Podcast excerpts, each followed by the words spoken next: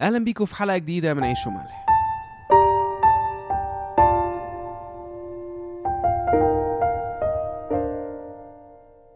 ابتدينا آخر مرة في الإصحاح الواحد وعشرين من سفر ملوك أول واللي حكى لنا قصة جديدة للملك أخاب في فترة حكمه لمملكة إسرائيل. ويقول لنا إنه في يوم كده اكتشف إن في كرم بتاع واحد اسمه نابوت اليزرعيلي جنب القصر بتاعه. فحب إن هو يضمه للأرض بتاعته وراح لنابوت يحاول يساومه عليه. بس نابوت رفض الموضوع ده تماما وفهم بقى أخاب إنه مش ممكن يفرط في الميراث بتاع آبائه عشان زي ما شرحنا دي كانت أمانة ربنا مديها ومقسمها على شعب إسرائيل عشان يحافظوا عليه. الكلام ده ما فهموش أخاب طبعا وكان تقيل عليه جدا وروح بيته مكتئب ويقول لنا بقى الكتاب بيشرح لنا بالظبط إن هو فضل نايم في سريره ومدور وشه ورافض يشوف أي حد ورافض ياكل أي حاجة.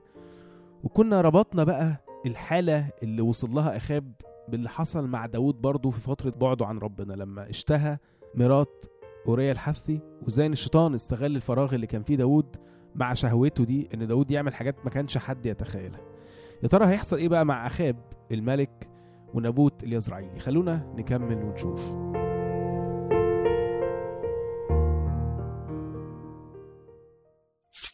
راديو ملاح.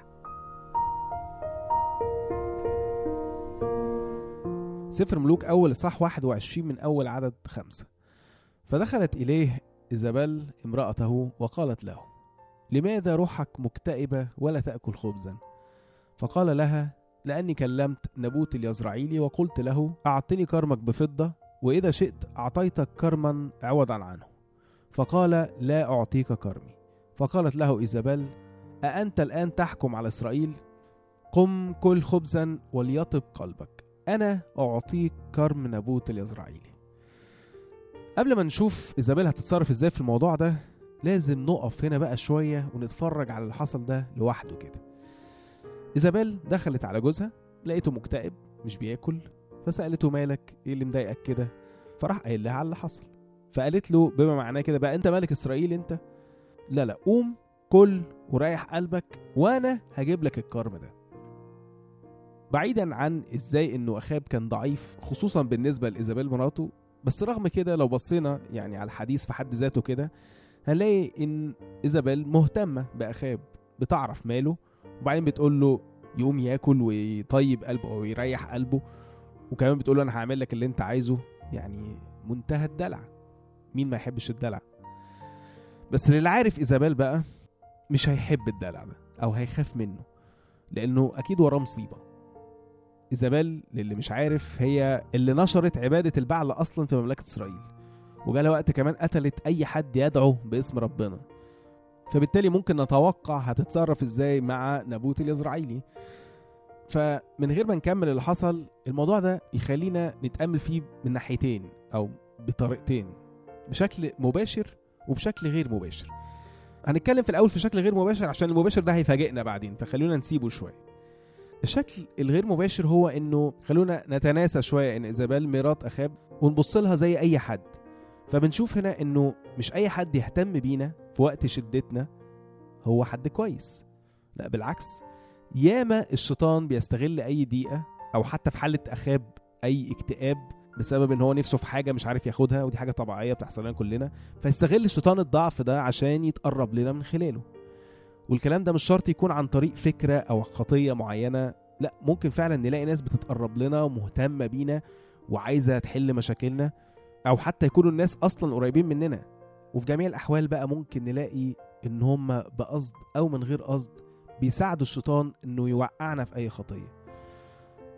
سواء بقى في حاجة هيقنعونا بيها أو العلاقة دي أصلا اللي هتتكون ما بيننا وما بين الناس دي كلها كده على بعضها غلط. يعني من الآخر مش أي حد بيتقرب لك. في وقت الشدة ده شخص جدع. لا ممكن قوي قوي يكون بيستغل الضعف ده عشان يدخل لك.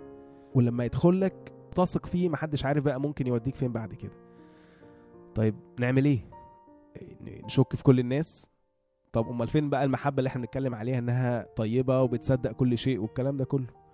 طبعا الكلام ده كله مظبوط بس إحنا مش بنقول هنا إنك تخون أي حد أو تشك فيه ولا ده موضوعنا أصلا. لا يا عم كل الناس اللي حواليك كويسين وهنعتبر إنه محدش فيهم قاصد إنه يوقعك في الغلط مع إنه أكيد ده مش حقيقي بس ده مش موضوعنا. وكل واحد بروح القدس يقدر يميز حاجة زي كده.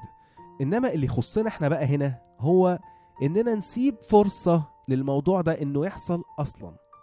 لو عايز تضعف كده اضعف بس قدام ربنا وبس. عايز تتكلم أو تشتكي أو تفضفض للناس ماشي. عايز تسمع نصيحة أو تقبل مساعدة ماشي مفيش مشكلة. إنما إنك تضعف قدام حد تاني لأ. تسيب نفسك كده بالكامل لحد ايا كان هو مين ينقذك من اللي أنت فيه لأ. لأنه مين ده أصلا عشان يعمل زي إيزابيل كده ويقول لك أنا اللي هتصرف أنا اللي هحل لك مشكلتك. مالكش دعوة أنت. هي يعني المشكلة دي هو اللي سمح بيها ولا ربنا؟ وهو اللي يخرجك منها ولا ربنا؟ ومين قال لك أصلا إن ربنا عايزها تتحل بالشكل ده أو في الوقت ده؟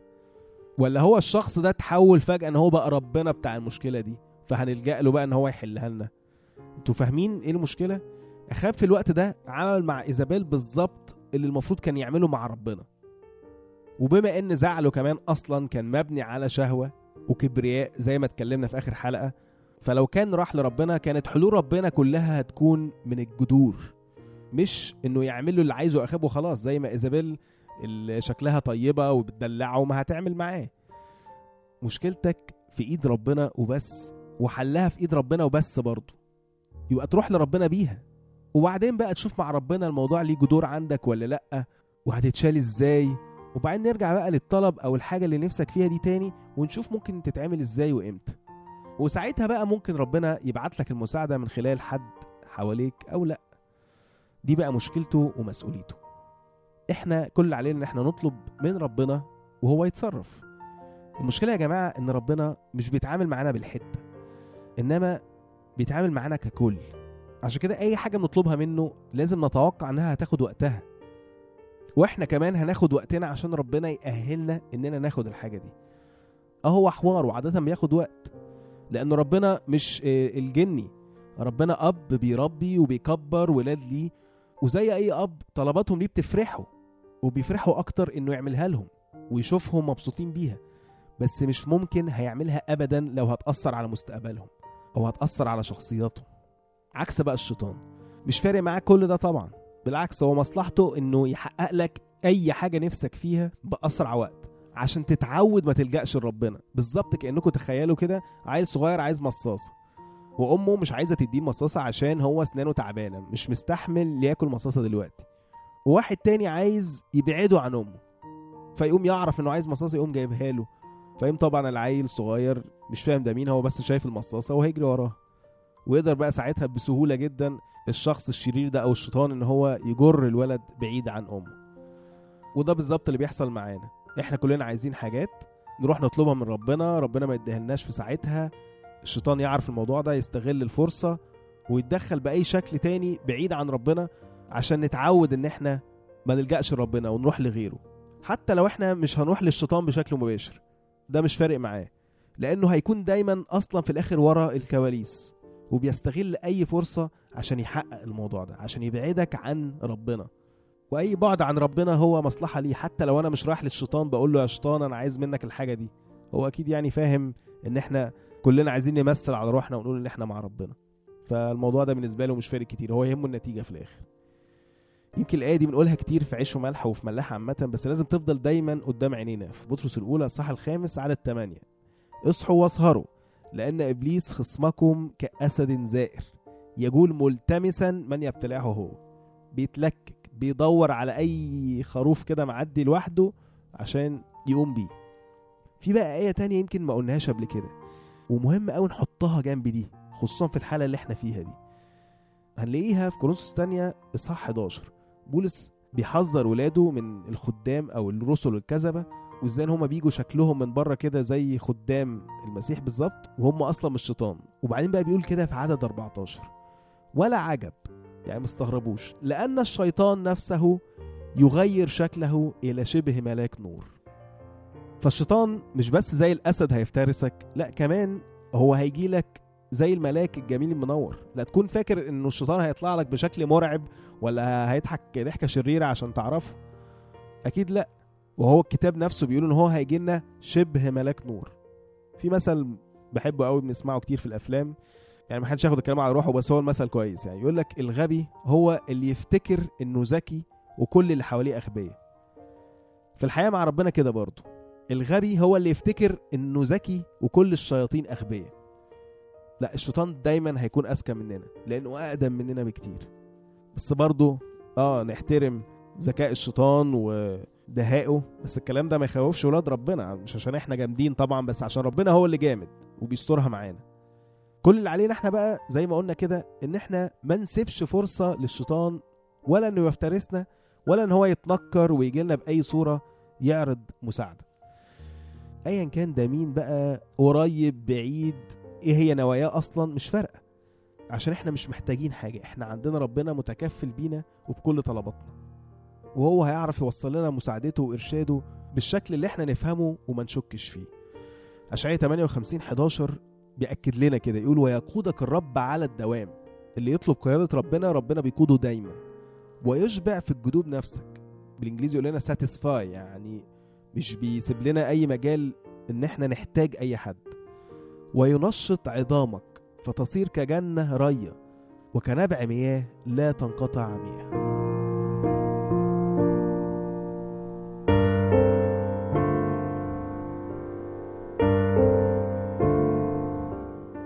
فاكرين بقى كنا قلنا إن في تأملين في ده في قصة إيزابيل؟ واحد مباشر واحد غير مباشر واتكلمنا في الغير مباشر. وقلنا بقى إن المباشر ده هو اللي هنستغرب له أكتر كمان. هو إن إيزابيل وهي مرات أخاب ورغم إنها من الظاهر كده كانت بتدلعه وبتعرف هو زعلان من إيه وبتشوف له حل في كل مشاكله بس هي في الحقيقة بتوديه في داهية. وهنشوف ده أكتر بعدين. ماشي. طب إيه الجديد؟ ما هو ده اللي إحنا كنا لسه بنقوله. لا اللي عايزين بقى نبص عليه هنا هي العلاقة الزوجية في حد ذاتها. يعني المشهد ده ممكن يقول لنا إن علاقة إيزابيل وأخاب كانت علاقة مش بطالة. حتى لو إيزابيل كانت مسيطرة شوية بس برضه مهتمة بجوزها وبتطيب بخاطره وكل الكلام ده. طيب برضه إيه المشكلة؟ المشكلة إنه اتفاق أخاب وإيزابيل ووجود علاقة كويسة ده ما كانش معناه ابدا إنها كانت حاجة كويسة وإنها هتودي لربنا في الآخر. بالعكس دي هتلبس أخاب في شر كبير قوي بعد كده. مثل تاني بقى على الموضوع ده برضو عشان نوضح اللي إحنا عايزين نقوله. في أعمال الرسل خمسة قصة يمكن معظمنا يعرفها. بتاعة حنانيا وسفيرة. وبرضو عملوا مصيبة. مش فارقة معانا التفاصيل قوي دلوقتي بس المهم إن هم اتفقوا على حاجة مع بعض وعملوها وبسببها ودوا بعض في داهية يعني إيه بقى الكلام ده كله؟ يعني الاتفاق في الجواز أو في الحياة اليومية يعني على قد ما هو حاجة حلوة ويا ريت كل الناس تكون كده. بس الأهم إن هم يكونوا متفقين في ربنا. مش في أي حاجة تانية مش في الشر. زي ناس كتير برضو في الكتاب ما كانوا متفقين في حاجات كويسة. والحقيقة بقى واللي عايزين نطلع بيه كمان ونركز عليه هو العكس. ودي الحاجة اللي يمكن بقى هتمسنا كلنا في علاقاتنا إن أيا كانت علاقة الحب دي إيه؟ يعني اتنين متجوزين مخطوبين بيحبوا بعض حتى لو اتنين أصحاب عادي أو الأهل وولادهم كل العلاقات اللي إحنا نعرفها وفيها محبة. لو حصل فيها خلافات أو مشاكل أو خناقات ده مش معناه أبدا إن ربنا مش في المكان ده. لا ده بالعكس ده ممكن قوي ربنا يكون بيستخدم الخلافات دي عشان يفوقك أو ينقذك من سكة أنت كنت هتمشي فيها ولولا الخناقة دي كنت مشيت فيها.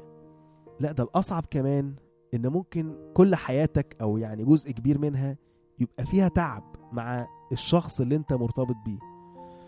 بس التعب ده يكون في الآخر السبب في خلاصك ويقربك من ربنا. زي ناس كتير قوي برضو في الكتاب. لو نفتكر داود وابنه أبشالوم أبشالوم عمل عليه انقلاب وحاربه بس الموضوع ده كله في حد ذاته قرب داود من ربنا في وقت هو كان بعيد جدا عن ربنا. في قصة داود برضو لو نفتكر بقى قصة بتاعت واحدة اسمها أبيجايل وجوزها اسمه نبال نبال ده كان راجل سيء جدا وعلى عكس أبيجايل كانت شخصية جميلة وكويسة جدا بالرغم من شره ده. كان ممكن تبقى زيه أو على الأقل تطفش منه. بس ربنا استخدم الظروف دي كلها عشان يحسن في أبيجايل ويبين الجمال بتاعها ده وحكمتها دي لدرجة إنه مع مرور الأحداث نبال بيموت وداود بقى عشان كان اتعرف عليها وشافها عاملة إزاي فهو نفسه بيطلبها للجواز وبيتجوزها فعلا بعد كده. غير بقى القصتين دول في قصة من أصعب القصص اللي في الكتاب المقدس اللي هي بتاعت هوشع النبي ومراته جومر. واللي كانت للأسف زانية. بس الغريبة بقى إن ربنا كان عايز هوشع يحب جومر ويتجوزها ويفضل معاها رغم زناها ده عشان ربنا يوري في هوشع محبته الحقيقية لشعب إسرائيل بالرغم من زناهم مع آلهة تانية. شوفوا الموضوع ممكن يوصل لإيه؟ بس النتيجة في الآخر خلاص للإنسان ومش بس كده لأ كمان يختبر مراحل أعمق لمحبة ربنا. كل الناس دي حياتهم كانت صعبة. ما كانش فيها الاتفاق ولا السلاسة اللي كلنا بنتمناها. وأكيد هم كمان كان نفسهم فيها. بس الفكرة إن هم كلهم أمنوا. بس بقى زي ما حكينا قبل كده آمنوا بحكمة ربنا. ودي بتبقى أصعب حاجة إن إحنا نآمن بيها. ممكن نؤمن بقدرة ربنا وبعظمة ربنا وقوة ربنا إنما بحكمة ربنا صعب. لأنها دايما بتيجي علينا. أو بنتخيل إنها بتيجي علينا. إنما الناس دي كلها آمنت بحكمة ربنا. وإنه حتى لو حياتنا من الظاهر كده صعبة علاقاتنا مش ماشية بنعومة وسلاسة آه، فيها مشاكل فيها حتى فترات ممكن تكون مستحيلة بس لازم نتأكد إننا لسه جوه إيد ربنا وهو بيستخدم كل ده لخلاصنا. تخيلوا كده لو سألنا هوشع دلوقتي تختار مين تكون مراتك؟ جومر اللي هتزني عليك ولا إيزابيل اللي هتدلعك وتشوف طلباتك؟ ورغم صعوبة اللي مر بيه هوشع في حياته بس ما أظنش هيتردد في الإجابة وإن هو برضه يختار جومر. أنت برضه مهما كانت حياتك عاملة إزاي دلوقتي حاول إنك تهدى وخليك مآمن بربنا إن هو عارف بيعمل إيه فيك ومش هيسيبك تعاني لحظة واحدة من غير لازمة. لأن هو أصلا كل هم ربنا كل بذله كل عمله وكل عطائه لينا واللي وصل لابنه هو إننا نخلص. في ارمية 29 11 ربنا بيأكد لنا الموضوع ده. يقول لأني عرفت الأفكار وأفكار دي بالإنجليزي plans يعني خطط التي أنا مفتكر بها عنكم. يقول الرب أفكار أو خطط سلام لا شر لأعطيكم آخرة ورجاء. ففكر فيها. تفضل خططك ولا خطط ربنا؟ نشوفكم الحلقة الجاية.